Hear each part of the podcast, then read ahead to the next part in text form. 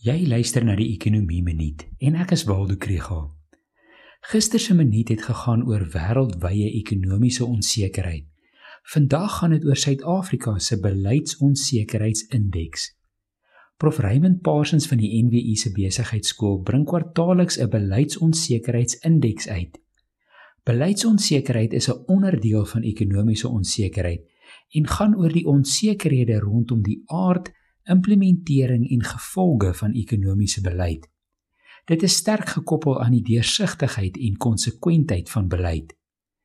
Die nuutste verslag beklemtoon dat onsekerheid hoog is, hoewel die indeks vir die afgelope 2 kwartale effens afgeneem het.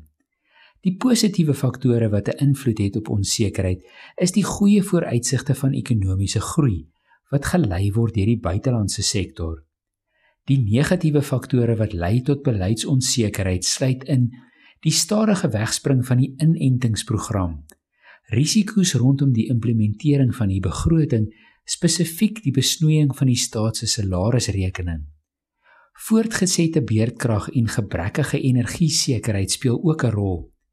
En die interaksie tussen die faksiegevegte binne die ANC en die strukturele hervormings van die president se heropbou en herstelplan is almal faktore wat belangrik is.